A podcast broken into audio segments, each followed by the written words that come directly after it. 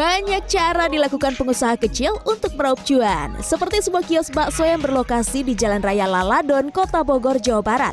Di sini, semangkuk bakso dikombinasikan dengan jengkol.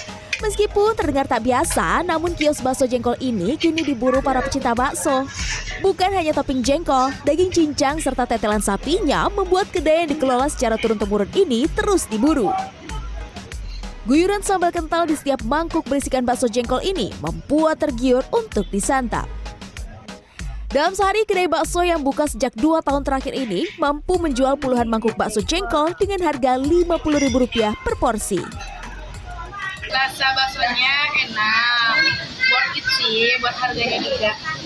Karena keracunan sama TikTok dan pencinta bakso juga. bedanya kok bakso jengkol bakso jengkol kan belum ada kita coba ternyata ya rasanya enak biasanya kalau sabtu minggu bisa sampai 50 bakso jengkol Di tengah banyaknya tanaman sayuran yang gagal panen akibat cuaca panas ekstrim, siswa MTSN 3 Surabaya ini berhasil panen sayur selada yang dibudidayakan secara hidroponik.